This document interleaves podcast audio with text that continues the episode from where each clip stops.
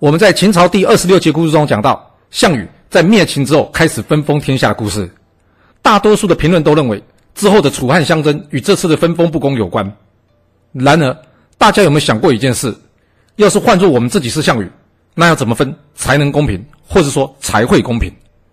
生活中有许多事是无法向天秤的两端去寻求平衡的，而公不公平，恐怕只是主观的感觉，而非客观的事实。所以，想要真正百分之一百公平，恐怕并不容易，有没有想过？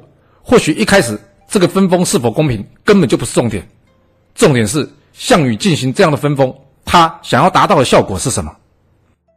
历史刻画着人性，了解历史，或许我们就能用不同的观点去判断事情。您说是吧？想知道完整版的故事内容，欢迎您到我的爱故事频道去看哦。